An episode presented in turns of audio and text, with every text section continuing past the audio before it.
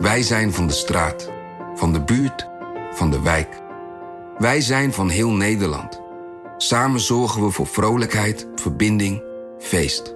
Samen brengen we in één jaar tijd 349 miljoen euro bij elkaar. Miljoenen waarmee onze goede doelenpartners de wereld groener, gezonder en rechtvaardiger kunnen maken.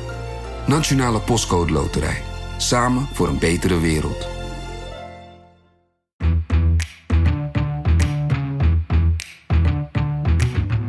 Dit is Haagse Zaken. Mijn naam is Lemja Aharwai. Het besluit is niet gebaseerd op financiële overwegingen. Dit is echt een afweging tussen veiligheid, nog één keer veiligheid en leveringszekerheid. Hij is bereid om zo uh, ver te gaan. Daar zit waarschijnlijk, denken zij, toch uh, een geldafspraak achter. Sindsdien hing de vraag boven de markt: uh, hoe gaan we dat betalen? Hoe gaat het kosten en wie gaat die rekening betalen? En Alders zegt: ja, hallo, dat hebben we met z'n allen afgesproken.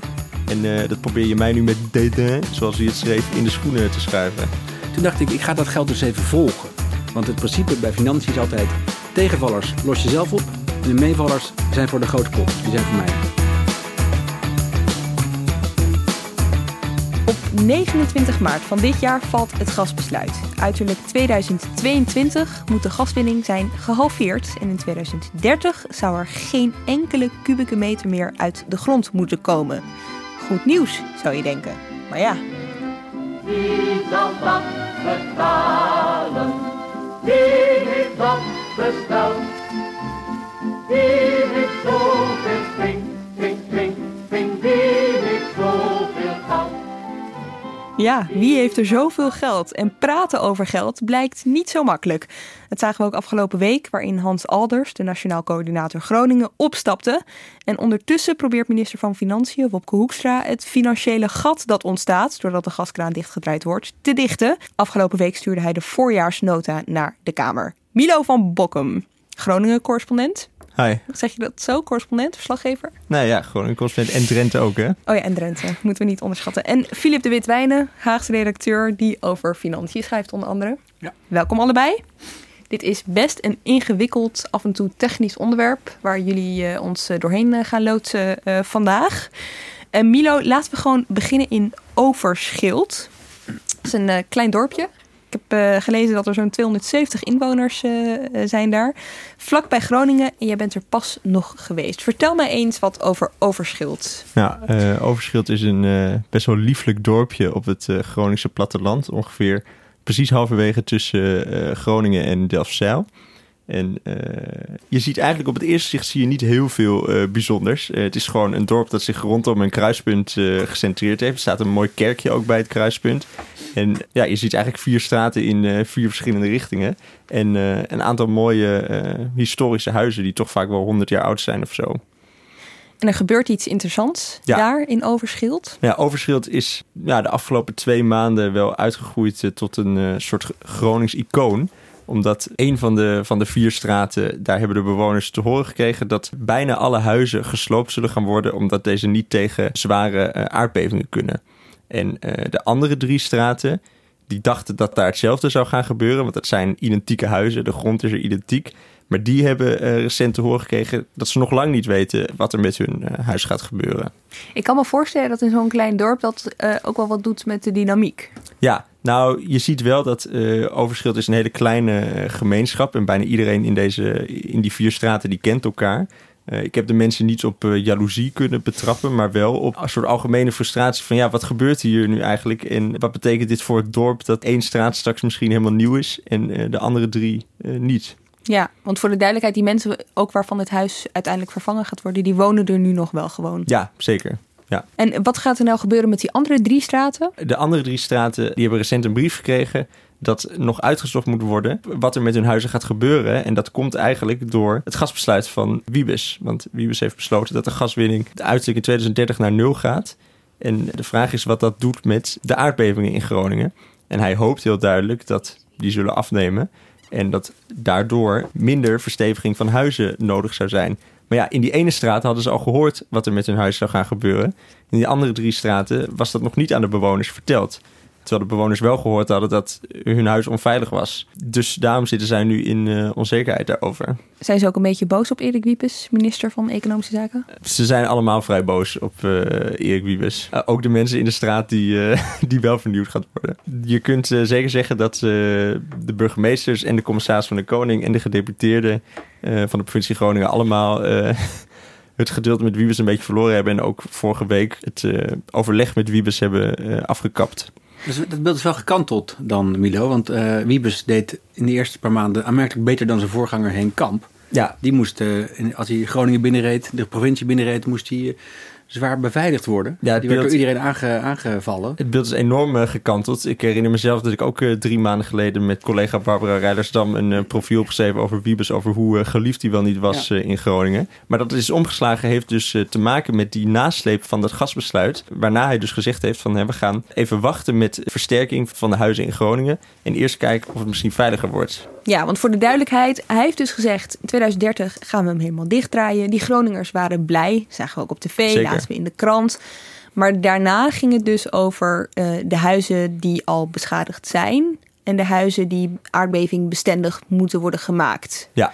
Daar zit een verschil tussen. Ja, ja, uh, je ziet dat het wel vaak uh, door de war wordt gehaald. Maar het is dus iets, als je denkt aan, aan de scheuren van Groningse bevingen, die, in, die in de muren zitten door Groningse bevingen. Iedereen kent dat beeld ook wel van die huizen in de stutten en zo en dat soort dingen. En mensen die scheuren aanwijzen dat ze na een beving weer in de hoek van hun huis uh, een scheur hebben. Dat gaat over schadeherstel. Mm -hmm. En dat is een totaal ander onderwerp dan versterking. Versterking gaat over huizen preventief aanpakken. Dus nog voordat, voordat er schade is, zodat je bij een zware beving van vijf op de schaal van Richter of zo levend je huis kunt verlaten. Dat is de regel, hè? Dat is de regel, ja. Zodat je eruit uh, kan komen. En nou ja, goed, dat betekent dus dat er een enorme... dat uh, alle 22.000 huizen in het Groningse uh, bevingsgebied geïnspecteerd worden... Of ze, of ze daar tegen kunnen. Nou tot nu toe bleek een heel groot deel van die huizen daar niet tegen te kunnen. en dan vervolgens komt daar, komen daar maatregelen. Maar die operatie is dus nu tijdelijk stopgezet. Omdat Wiebes wil kijken of het veiliger wordt... doordat hij de gaswinning heeft stopgezet... En dat daardoor minder huizen verstevigd hoeven te worden. Dit is een best wel hypothetische situatie. Want ja. Eh, waar wacht hij precies op? Nou, hij wacht op onderzoeken van de Staatstoezicht op de mijnen, KNMI, eh, onderzoeksbureau TNO. Die zijn op dit moment aan het kijken wat het gasbesluit wat hij heeft genomen, wat dat voor invloed heeft op veiligheid eh, als het ware. En dat, dat is allemaal vrij hypothetisch en het is ook een soort kansrekening. Hè? Want je kunt natuurlijk nooit uitsluiten of voorspellen wanneer uh, een beving van een bepaalde grootte uh, gaat voorkomen. Nou, dat is dus ook precies wat de klacht is in eh, Groningen van bestuurders uh, en van bewoners. Van ja, we weten eigenlijk nog niet wanneer het uh, veiliger wordt. En tot die tijd moet je dus gewoon doorgaan met het versterken van huizen. Vooral als mensen al te horen gekregen hebben dat hun huis onveilig is. En vooral als een deel van een dorp al aangepakt gaat worden. Ja, dus uh, Wiebes heeft eigenlijk alles stilgelegd. Uh, dus iedereen die aan het wachten was op versteviging, of in ieder geval bericht over versteviging van het huis, die moet nu maar gewoon even wachten. Dat leidt er dus toe dat in Overschild je buren misschien wel al uh, bericht hebben gekregen dat hun huis verstevigd wordt, maar jouw huis niet. Precies. En dat doet hij omdat hij wacht op onderzoek om te kijken hoe gevaarlijk is het om die huizen te laten staan zoals ze zijn. Ja. Gaat dit uiteindelijk niet gewoon over geld? Nou, dat is een hele goede vraag. Uh, je ziet wel dat in Groningen steeds meer het idee leeft dat het inderdaad om geld gaat. En dat er Wiebes ergens een afspraak heeft gemaakt van we gaan de gaswinning uh, terugdraaien.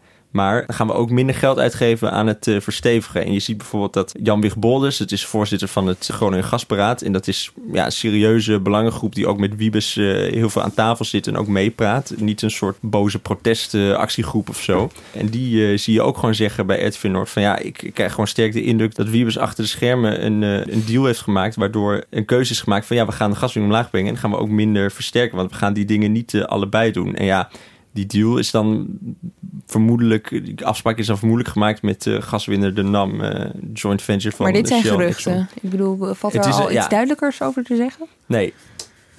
Oké. Okay, nee, dus kijk, het is. Uh, ik, ik sprak eergisteren nog een hoogleraar bestuursrecht en die zei ook van, weet je, we willen allemaal wel een afluisterapparaat ophangen bij die gesprekken van Wiebes met de gasbedrijven. Maar dat kunnen we helaas niet doen. Dit zegt Wiebes er zelf over. We willen de bewoners natuurlijk zo snel mogelijk duidelijkheid geven. Maar even in alle eerlijkheid. Ik heb nog niet vaak moeten besluiten om 1500 woningen plat te gooien. Dan wil ik graag, en dat heb ik, die zes weken heb ik er nog wel voor over...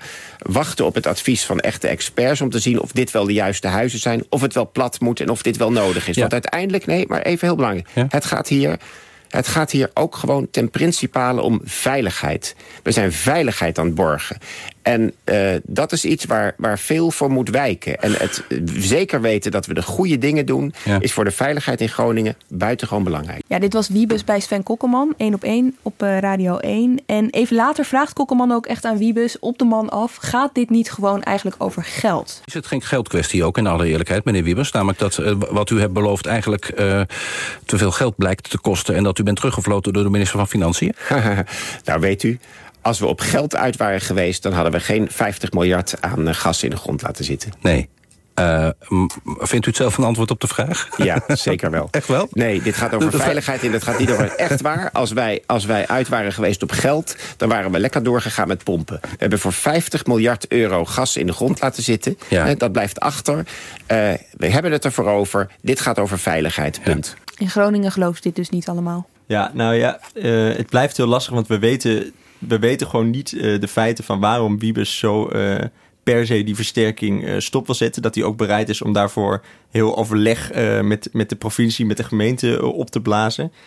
maar je ziet wel dat bijvoorbeeld onder Groningers, maar ook onder bestuurders in Groningers, leeft toch het idee van ja, hij is bereid om zo ver te gaan en hij wil zozeer, zo graag die versterking stopzetten. Ja, dat, daar zit waarschijnlijk, denken zij, toch een geldafspraak achter. Uh, misschien met de NAM, uh, niemand weet het precies. Ja, met de positie van uh, Wiebes, daar gaat het dus niet echt heel erg lekker. Nee, en het is dus ook belangrijk om te beseffen dat dit is dus niet een kwestie van boze bewoners in Groningen, maar dit zijn dus alle burgemeesters en de commissaris van de Koning en de gedeputeerden en dus sinds afgelopen week ook Hans Alders, die allemaal zeggen van ja, dit kan gewoon niet wat de minister nu aan het doen is. Dus het is ook echt een bestuurlijk uh, conflict. Ja, Nationaal Coördinator Hans Alders, daar verwijs je naar. Die stapte inderdaad op. Schreef ook een uh, redelijk lange, zeer bureaucratische ja, zeven ontslagbrief. Ja. Wat voel jij daarin op? Uh, nou, eigenlijk twee dingen. Ten eerste valt weer op dat Hans Alders, die dus drie jaar heeft gewerkt aan de versterkingsoperatie, dat hij extreem goed ingevoerd is. En dat hij waarschijnlijk. Mag je ook wel hopen. Ja, nee, maar dat hij waarschijnlijk als enige echt de enorme hoeveelheid uh, beleidsdocumenten echt van uh, top tot teen uh, doorgelezen heeft. En hij refereert dus in zijn brief ook naar een aantal specifieke passages waarin staat van mochten we nieuwe kennis krijgen over veiligheidsrisico, wat dan ook, dan gaan we voorlopig door met de koers uh, waar we op zitten met versterken. En hij zegt dat daar dus op dit moment gewoon regelrecht tegen in wordt gegaan. Dat is dus beleid van Wiebes, waar Wiebes nu op. Ja, dit is beleid dat uh, is vastgesteld door Kamp, de voorganger van Wiebes. Maar waar Wiebes nu op dit moment verantwoordelijk Precies. voor is. En dat is, dan kom je dus eigenlijk al bij het tweede punt wat Alders aansnijdt. Dat hij zich totaal niet meer serieus genomen voelde door Wiebes. Precies uh, om dit soort dingen. Dat, dat, dat naar Alders werd geweest van ja, jij voert een stomme versterking uit die veel te groot is. En dat is, is helemaal niet nodig. En Alders zegt, ja, hallo, dat hebben we met z'n allen afgesproken. En uh, dat probeer je mij nu met dédain, zoals hij het schreef, in, ja. de, in de schoenen te schuiven. Ja, hoe is het aangekomen in Groningen? Want dit was wel de man die er voor hen was. Ja, nou, het is wel interessant om te zien. Want uh, de afgelopen drie jaar was Alders zeker niet altijd geliefd. Er was heel vaak wel kritiek op dat zijn organisatie allemaal te traag zou zijn en zo en dat soort dingen. Maar je ziet eigenlijk dat de afgelopen tijd mensen steeds meer begonnen te beseffen dat hij uh, heel erg gebonden was aan de NAM bij het maken van keuzes. Want hij moest over elk, versterk, elk pand wat versterkt moest worden, moest hij met de NAM over onderhandelen. En nu zie je dat, uh, nu die dan is opgestapt, is er echt een soort uh, alders euforie uh, losgebarsten. Mensen zien opeens eigenlijk dat hij best wel heel hard gewerkt heeft. En best wel veel geprobeerd heeft om voor de provincie voor elkaar te krijgen. Maar dat hij dat altijd heel neutraal over is geweest en zijn mening nooit heeft laten horen. En nu die met een extreem explosieve afscheidsbrief opeens totaal zijn mening uh, heeft laten horen, zie je dat veel bewoners van uh, Groningen opeens denken van, oh, hij is eigenlijk een partner in onze strijd ja. uh, tegen Wiebes. Hoe denkt ze eigenlijk in Den Haag over zijn vertrek? je ziet ook aan Alders brief dat Wiebes heeft heel sterk de regie over die versterking naar zich toegetrokken. Hij is veel meer met de regio uh, één op één gaan overleggen en niet meer met de tussenfiguur van Alders, zoals Kamp dat deed. Dus de rol van Alders die werd eigenlijk steeds kleiner naarmate Wiebes steeds proactiever uh, ging optreden. En dan zie je aan de reactie van Wiebes op het vertrek van Alders, schrijft Wiebes, schrijft... Tja, nieuwe werkelijkheid betekent nieuwe verhoudingen. En dat is eigenlijk tussen regels door lees je daar iets in van... Uh, doei. Doei, we hebben je niet meer nodig. Ja. Ik denk dat hier in Den Haag ook de populariteit van Wiebes is afgenomen. Er is al een debat aangevraagd, uh, begrijp ik Mido? Ja, de aanstaande donderdag uh, is, een, is een debat over het vertrek van Alders. Want oppositie was ook gelukkig met het gasbesluit van eind maart. En nu uh, er toch wat scheuren, niet alleen in de Groningse huizen, maar ook in het bestuurlijke apparaat zit. Mm -hmm. Zijn er toch een hoop kritische vragen over hoe uh, Wiebes het nu aanpakt. Dus dat zal die over twee weken moeten uitleggen. Ja. En dat is ook interessant trouwens, omdat wat jij zegt, want een tijdje was, was de hele Kamer begon het eigenlijk al over bepaalde dingen best wel eens te worden. Hè. Ze waren het eigenlijk, dat heb ik vorige keer dat ik hier zat met Thijs Niemandsverdiet, die zei dat toen ook van. Hè, het, op een gegeven moment was bijna iedereen het ermee eens dat hier moest dingen aangepakt worden en die gaswinning die moest een beetje omlaag. En dat, ja, dat was, dat, dat, bijna iedereen was het er mee eens. Maar nu wordt het opeens weer een kwestie waar ook... Uh, Gedebatteerd over wordt. Ja, precies. Maar, nou ja, waar, waar ook politieke verschillen ja. over... Want de VVD-kamerleden uh, die staan helemaal achter Wiebes beleid. Maar dat geldt nu minder voor... Uh, ja, de, ik denk ja. dat, dat, Haag verenigd is in het gasbesluit zelf. Terugbrengen naar nul. Ja. Groningen veilig. Maar de afwikkeling, de bureaucratie... Nou ja, dat, dat, zien we. Daarover zijn de meningen uh, zeer verdeeld. En vinden, men vindt Wiebes daar minder uh, kordaat in dan in het gasbesluit zelf. In het kort gezegd komt het er eigenlijk dus op neer dat we minder gaan verdienen aan gas. Maar dat we Zeker. nog steeds wel geld moeten uitgeven aan ja, het verstevigen van huizen of het schadeherstel. Laten we het hebben over geld. Philip. Ja, die vraag van dat mooie liedje, wie gaat dat betalen? Inderdaad. En dat was, dat was de, de vraag die lang uh, boven de markt hing uh, sinds begin dit jaar eigenlijk. Toen al uh, na die zware aardbeving, waar was die ook alweer? Uh, Zeerijp. Zeerijp. 8 januari. Toen werd er al gasbesluit 1 eigenlijk genomen door het kabinet, namelijk flink verminderen. Eind maart werd dan het definitieve besluit genomen om de productie naar nul terug te brengen. Sindsdien hing de vraag boven de markt, hoe gaan we dat betalen? Hoe gaat het kosten en wie gaat die rekening betalen? Daarover heeft de daarvoor verantwoordelijke minister, Wopke Hoekstra van Financiën, lang de kaarten tegen de borst gehouden. Maar hij heeft deze week een begin van een antwoord gegeven in zijn uh, lang verwachte voorjaarsnota. Wat is dat, zo'n voorjaarsnota? De voorjaarsnota is eigenlijk een tussenstand van de huidige lopende begroting dit jaar. Uh, die is vorig jaar natuurlijk gemaakt, de begroting door het vorige kabinet. Aangepast door uh, besluit uit het regeerakkoord eind vorig jaar. En nu is er een tussenstand. En het gaat eigenlijk, geeft het een beeld van uh, wat geven we met z'n allen uit. Wat krijgen we allemaal binnen via de belastingen en premies. Een soort wat, huishoudboekje. Huishoudboekje, precies. wat zijn de meevallers, wat zijn de tegenvallers? En de tegenvaller die evident is, is het gasbesluit. Hoe groot is het bedrag dat we mislopen? Nou, we weten uh, in ieder geval de voorspelling van financiën, wat het dit jaar en de komende uh, vier jaar zou gaan kosten, is een onderscheid gemaakt tussen uh, derving gasbaten, dus de opbrengsten uit uh, verkoop van gas. Die is dit jaar beperkt, zou ik zeggen, 350 miljoen, sorry, 150 miljoen euro. Daarbij komt een bedrag van 200 miljoen. Dat noemen ze reservering voor bepaalde kosten voor de provincie Groningen. Dus bij elkaar is het potje 350 miljoen. En die 350 miljoen die loopt op tot het eind van de kabinetsperiode tot 1,1 miljard. Dat is een flink bedrag, maar we hoorden bij gerucht eh, weken geleden dat het misschien om 2 miljard zou gaan. Maar dit is niet het hele verhaal. Dit is nog maar een deel uh, dit jaar. De gasproductie gaat langzaam omlaag. En ik begreep van financiën dat uh, de grote post waar Milo net over sprak, de operatie versteviging huizen en de schadevergoeding aan bestaande uh, schadegevallen, hier nog niet eens bij zit.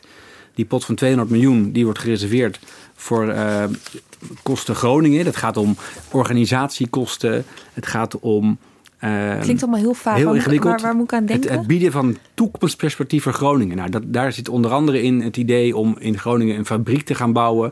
Om uh, het, het, terugdraaien van de gasproductie levert ook uh, werkloosheid op. Want mensen die daar werken, die kunnen daar straks niet meer werken.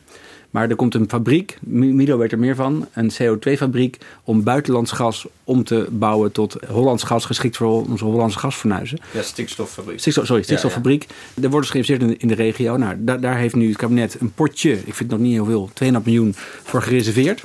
Dit jaar en de komende jaren. Is, is, dat, is dat het bedrag waarmee je een fabriek bouwt? Of nee, is nee, nee. Ik geloof dat daar het bedrag van 500 miljoen is genoemd. Okay. Uh, totaal. Maar goed, daar komen ook andere partijen bij. Het, je smeert het uit over een mm -hmm. paar jaar. Maar goed, dit is wat de kosten zijn volgens uh, Hoekstra. En dan de vraag, hoe gaat hij het betalen? Hoe is dat gedekt? En daarover heeft hij maar een deel van uh, het antwoord gegeven. Want hij zegt, voor dit jaar is het geen enkel probleem. Die 350 miljoen uh, die ik inschat, die kan ik betalen uit meevallers uit de lopende begroting. En die meevallers zitten in de, begroting van uh, gezondheidszorg.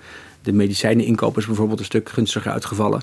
En in uh, de sociale uitkeringen. Tegen de economisch gaat het goed. Dus wij geven minder uit dan werkloosheidsuitkeringen. Dat geld kunnen we gebruiken voor de gasrekening. Of de rekening van het, het gasbesluit. -hmm. En, zegt hij, dat is interessant, uh, we gaan ook een deel van de gelden die we hebben gereserveerd... die niet zijn uitgegeven of worden uitgegeven dit jaar... kunnen we gebruiken voor uh, deze bleeder, deze, deze tegenvaller. Ja, en toen dacht jij, wacht eventjes. Want jij bent bezig met een project voor de krant. En nou ja, volgt ja, een paar ik dacht, uh, hij, zei, hij zei letterlijk, het geld wat nog, dat nog niet besteed is... kunnen we hiervoor gebruiken. Toen dacht ik, ik heb Hoekstra vaak horen zeggen, en dat hoor je politici heel vaak zeggen, we mogen de rekening niet doorschuiven naar volgende generaties. We moeten er alles aan doen om de staatsschuld verder naar beneden te brengen. Dus we betalen dit jaar als Nederland nog ruim 6 miljard aan rentelasten. En dat is een paar honderd euro per jaar netto per Nederlander. Ja. En wat ik heel graag wil doen, is de komende jaren benutten om dat geld verder naar beneden te brengen, dat bedrag kleiner te maken. Zodat er een kleinere staatsschuld is en toekomstige generaties daar ook minder voor hoeven te betalen. Maar als jij geld gaat gebruiken, uh, wat eigenlijk bedoeld is voor politie, defensie, onderwijs, nu gaat gebruiken voor het gasbesluit, dan zul je ergens uh, tegen de muur oplopen in de komende jaren als dat geld opeens wel nodig blijkt te zijn voor um, politie, defensie en, uh, en, onderwijs. Dus ik denk dat dit wel uitschuiven, of het, het, het vooruitschuiven van de rekening is naar volgende generaties. Nu zegt Financiën ja, maar we hebben twee soorten onderuitputting zoals het heet. We hebben ook uh, structurele kosten die we eigenlijk niet maken en die moeten we dan weer recht trekken. Nou, dat is een beetje begrotingstechniek. Uh, maar strikt genomen is het een beetje kunstmatig, vind ik. En een beetje creatief omgaan met de begroting. Uh, waar jij naar vroeg, uh, is het volgende. Ik dacht aan het begin van dit jaar, het kabinet heeft grootste plannen om geld te investeren. We hebben jaren van crisis achter de rug, mm -hmm. bezuinigingen, lastenverzwaringen. Dit kabinet, Rutte 3, die kon eindelijk, nu het weer goed gaat, weer geld gaan uitgeven. Er was geld nodig voor defensie, voor de politie, voor het basisonderwijs. Voor dit jaar zou het kabinet 5, wil het kabinet 5 miljard euro extra investeren in allerlei uh, doelen. Toen dacht ik, ik ga dat geld dus even volgen. Dat is een, er zijn heel veel potjes, maar ik heb bedacht, ik ga tien investeringsplannen uh, apart zetten. Hoe heb je die geselecteerd? Is dat gewoon... Willekeurig uit het uh, regeerakkoord. Er zijn uh, 41, nee, ruim 40 maatregelen die geld kosten. Daar heb ik gewoon een keuze uit gemaakt. Uiteraard wat belangrijke grote posten die we allemaal kennen. Zoals de salarisverhoging in het basisonderwijs.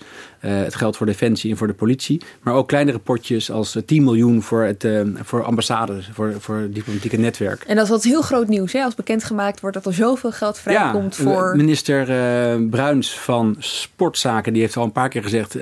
goed nieuws voor de sportwereld. Ik ga 10 miljoen aan de topsport geven. Ik heb het een paar keer horen zeggen. Ik bel elke maand met al die ministeries. Waar is het geld? En is het wel uitgegeven? En het is nog niet uitgegeven. Dat is mijn conclusie tot nu toe. Na vijf maanden deze potjes volgen is dat geld uh, beloven is heel makkelijk.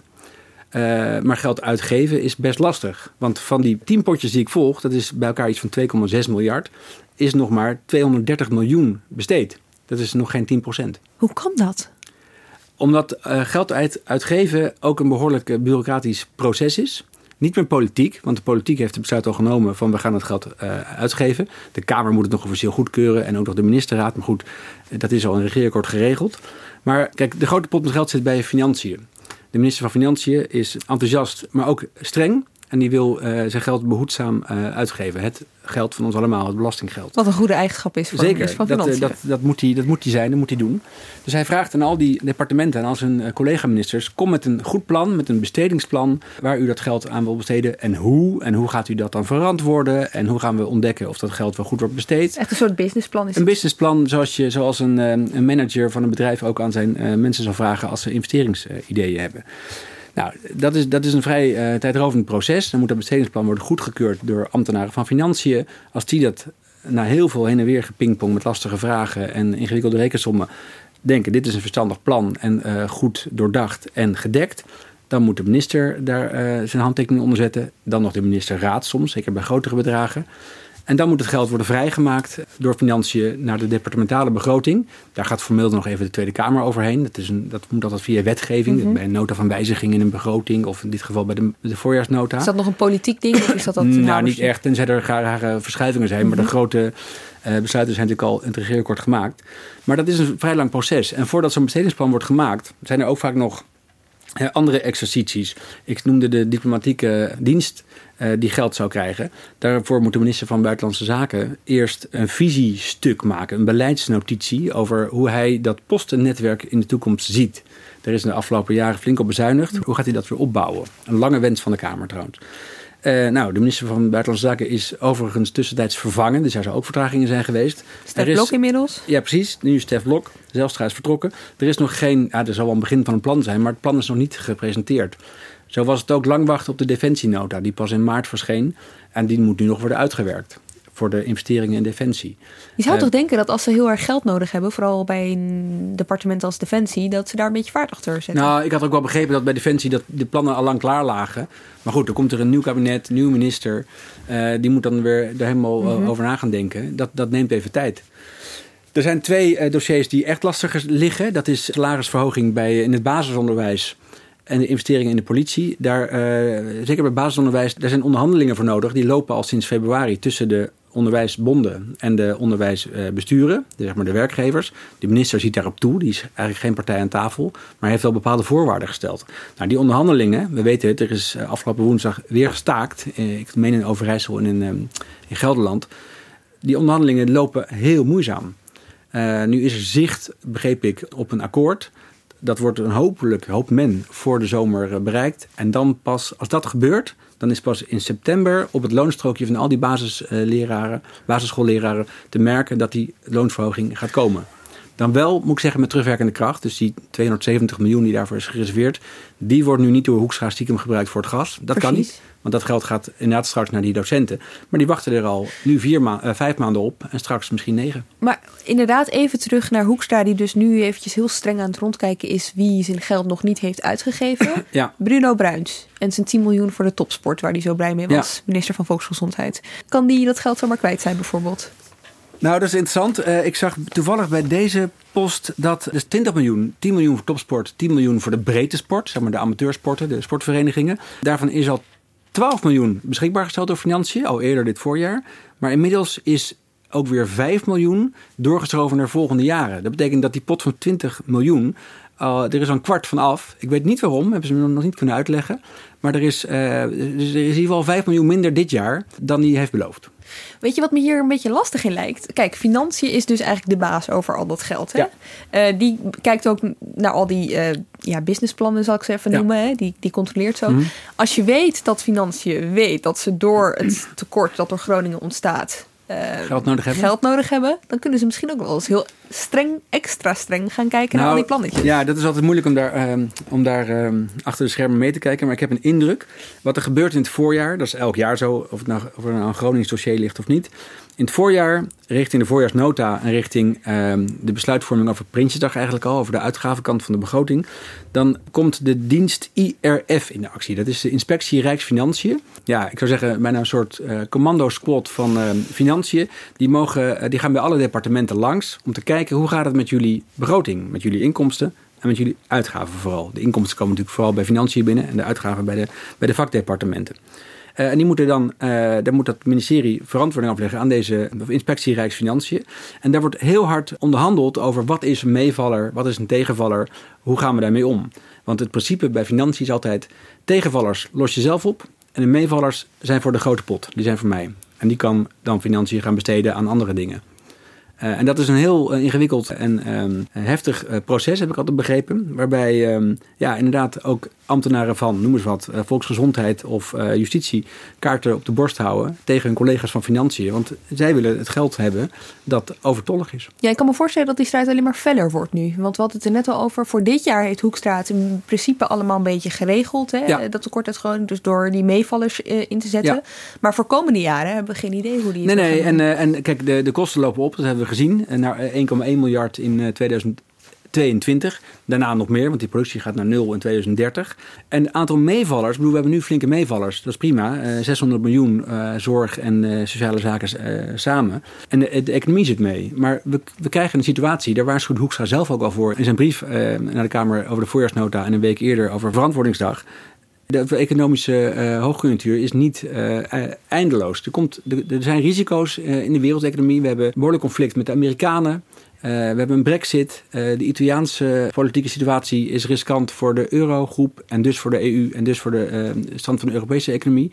Als het tij even tegen zit, dan zullen we minder meevallers hebben en zullen we meer en minder belastinginkomsten krijgen. Dan wordt het last, nog alleen maar lastiger om die grote rekening te gaan betalen. Als ik Wiebes en Rutte dan moet geloven, die zeggen heel duidelijk overheidsfinanciën, de status daarvan, dat gaat helemaal geen invloed hebben op wat we gaan doen met Groningen. Het besluit is niet gebaseerd op financiële overwegingen. Dit is echt een afweging tussen veiligheid, nog één keer veiligheid en leveringszekerheid. Maar wat ik ook nog vaak hoor, dat mensen denken dat de overheidsfinanciën een factor zouden zijn in het niveau van de gaswinning. En nou nog maar een keer, ik heb het al vaak gezegd, dat is geen factor. Ik ontken niet dat het financiële consequenties heeft. Dat zijn geen, uh, maar het zijn geen overwegingen. Dus de enige factor die we hebben is de veiligheid in het gebied en voorkomen uh, dat uh, grote delen van Nederland van het gas worden afgesloten. Dat is de enige afweging en niet de bijdrage aan de rijksbegroting. Ik kan me voorstellen dat de rekenende ambtenaar bij Financiën hier toch wel een beetje anders over Nou, ik vond het een opvallende uitspraken van twee VVD'ers. Die altijd zeggen, je moet uh, eerst weten hoe je iets gaat betalen voordat je iets belooft.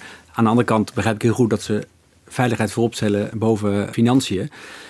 Maar goed, de overheidsbegroting is niet eindeloos. Er is de laatste jaren ontzettend bezuinigd en we hebben de financiën gezond weten te krijgen. Het vorige kabinet vooral. Um, we hebben ook wat buffers, maar alle economen, alle economische adviesbureaus zeggen... we moeten buffers opbouwen voor die, voor die volgende crisis die, die een keer zal komen. Om een idee te, te geven, we hebben een begrotingsoverschot sinds uh, een paar jaar. En dat staat op nu 0,5% van het bruto binnenlands product. Dat is ongeveer 4 miljard, 3,84 miljard. Uh, je mag van Brussel mag je een begrotingstekort hebben in crisisjaren van, uh, van 3%. Dus je hebt ongeveer ruimte van 25, 27 miljard euro, kan je zeggen. Uh, maar deze minister van Financiën wil niet het begrotingsoverschot om, laten slaan in een begrotingstekort. Dan heb je de staatsschuld. Dat is ook een interessante. Die is ook de laatste jaren flink gedaald. Die staat nu op ongeveer 412 miljard euro dat is de laatste jaren echt flink geslonken. Die kun je weer laten stijgen, zou je zeggen. Maar nu heeft net deze regering afgesproken dat tegenvallende gasbaten, waar we mee te maken krijgen, niet ten koste mogen gaan van de staatsschuld. Dat moet je tegenwoordig oplossen op je begroting, dus in je, in je uitgaven. En dat is een. Uh, moet je toch gewoon gaan bezuinigen? Strenge, ja, dat is, een, dat is een strenge begrotingsregel. Die hebben ze zelf bedacht op advies van uh, verstandige economen. Uh, maar daarmee ga je jezelf in de vingers snijden. En als je geen meevallers meer hebt aan de, uh, aan de uitgavenkant van je begroting, dan is het antwoord bezuinigen. Dus op Prinsjesdag, zo heeft Hoekstra beloofd, dan uh, gaat hij duidelijk maken hoe hij het de komende jaren gaat ja. doen. Hè?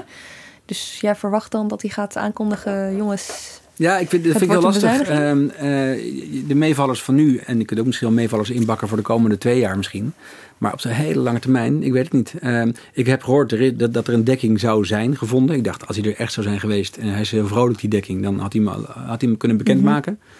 Hij zegt dat is niet gebruikelijk, dat doen we alleen maar met Prinsjesdag. Dat vind ik een beetje een ongeloofwaardig verhaal. Ik denk dat het een lastige boodschap is waar hij nog over moet bakkeleien met zijn uh, collega-ministers. En als dat B-woord dan valt, bezuinigingen, welke ministeries uh, daar, waar, waar, waar, maken ze zich het meest zenuwachtig ja. als eerst? Dat is heel, dat is heel wrang, hè? een wrange boodschap als het economisch goed gaat en je ja. moet eens gaan bezuinigen. Terwijl je, het, het was een investeringskabinet. Uh, dus niet te zeggen, uh, het, het, meeste geld wordt meestal gehaald bij de uh, ministeries die het meeste uitgeven. Nou, dan kom je al snel weer bij de zorg terecht. Uh, bij onderwijs. En ja, wie altijd de pineut zijn, zijn, de, zijn ambtenaren. Dan kunnen ze het makkelijkst de kraan dichtdraaien. De nullijn, geen salarisverhoging moet toestaan. Dat levert er meteen een paar miljard op. Zover is het nog lang niet, maar dit wordt heel spannend. Ja, nu hebben ja. we niet eens meegerekend wat het kost om al die huizen nog te verstevigen. Hè? Want dat valt nog allemaal buiten die kosten. Ja, dat uh... heb ik begrepen. Er wordt nu 200 miljoen gereserveerd, maar er wordt straks miljarden. Um, valt, er, valt er te zeggen hoeveel dat ongeveer gaat kosten? Nou, dat, dat, hangt dus heel erg, dat hangt dus vrijwel volledig af van hoe die versterkingsoperatie mm -hmm. uh, verder gaat. En uh, daar kan, kan je eigenlijk op dit moment niks over zeggen. Ik bedoel, Wiebes lijkt vastberaden, vastbesloten om een kleinere versterkingsoperatie uit te voeren. Maar kijk, voor hetzelfde geld komt er juni komen de berekeningen binnen over de veiligheid. En uh, niemand heeft gezien wat erin staat. Wie weet uh, wordt het wel helemaal niet veiliger, weet je wel. Uh, En in dat geval uh, moet, moet alsnog... alles. Moet maar als je nou even, even een droge rekensom zou maken... je weet hoeveel huizen er uh, gecontroleerd worden? Ja, 22.000. Ja, je denkt anderhalf ton per huis of twee ton per huis? Nou, ik zou op anderhalf ton inzetten. Want er was ook een maximum aan verbonden? Ja, er is, er is een bepaald breekpunt hè, waar uh, als een huis verstevigen uh, duurder is dan een, dan een nieuw huis bouwen, dan bouwen ze een nieuw huis. Uh, maar waar dat punt precies ligt is niet helemaal duidelijk. Maar ik ben geen bouw, bouwbedrijf. Ik ook niet. Maar wel een rekenaar? Ja, maar nu werkt mijn Samsung natuurlijk weer niet. Moest ik uitzetten van jou. Ik ga hem even aanzetten. Hij staat nu aan. 22.000 maal anderhalf ton. Is? Dat is, dat is heel veel geld. 3,3 miljard? Nou, 3,3 miljard. Ja, dat past goed bij dat uh, overschot, begrotingsoverschot dat we hebben. Ja, maar dat is dus, dat, er is dus een goede kans dat dat niet doorgaat. Nee, en wie ja. hadden het over 1500 ja er, zijn dus vijf, ja, er zijn dus 1500 huizen die op dit moment in uh, ja. onzekerheid zitten. Dat is ietsje minder. Dan kom ik op 225 miljoen. Ja. Redelijk bedrag? Moet Hoekstra dus erbij gaan zoeken ook Ja, nog. als, als het klopt dat die 200 miljoen die er nu heeft gereserveerd... niet voor het versterken Ja. uh, is bedoeld. Maar er speelt nog iets, Milo, en daar weet jij ook meer van... is dat hoe hoog die rekening ook wordt voor versteviging en schade... Wiebes wil het niet in zijn eentje betalen. En Hoekstra al helemaal niet. Daar hebben we twee bevriende partners voor, namelijk uh, de aandeelhouders van de NAM. Ja, Shell en Exxon. En uh, er is gewoon als sinds, de begin, sinds het begin van de gaswinning is er een verdeelsleutel in opbrengsten en in kosten. En in opbrengst is het ongeveer 90% naar de staat, 10%, 10 uh, naar de gasbedrijven.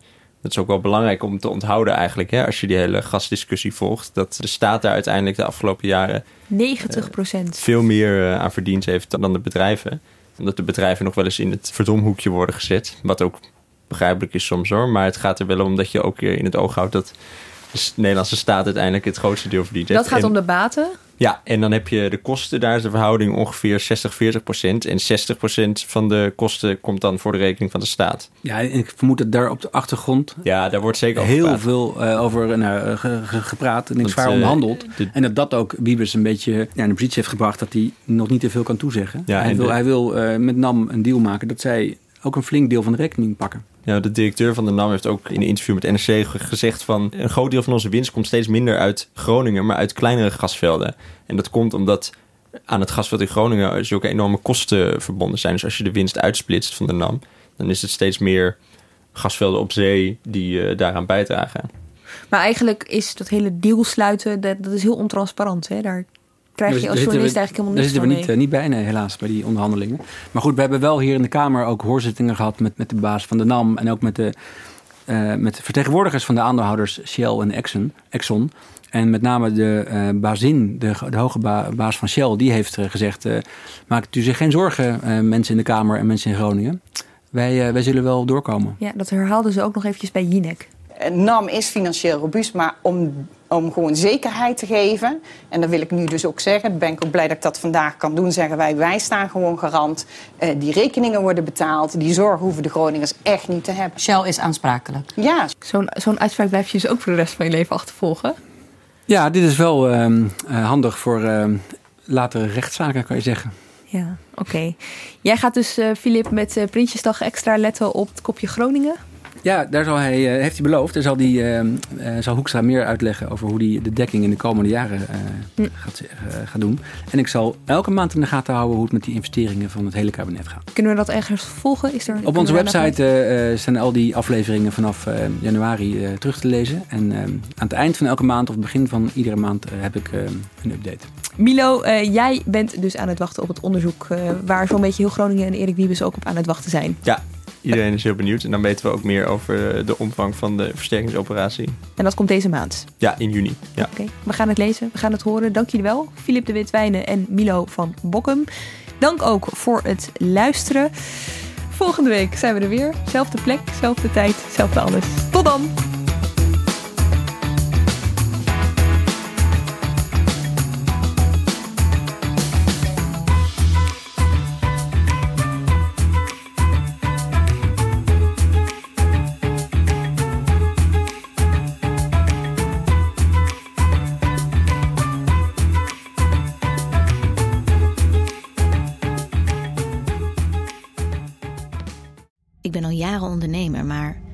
Moet ik eigenlijk allemaal aan denken nu ik voor het eerst personeel wil aannemen, voor het eerst ga importeren of voor het eerst een bedrijfslocatie zoek? Weet wat je wel of niet moet doen bij zaken die je voor het eerst oppakt. Check kvk.nl voor praktische stappenplannen. KVK, hou vast voor ondernemers.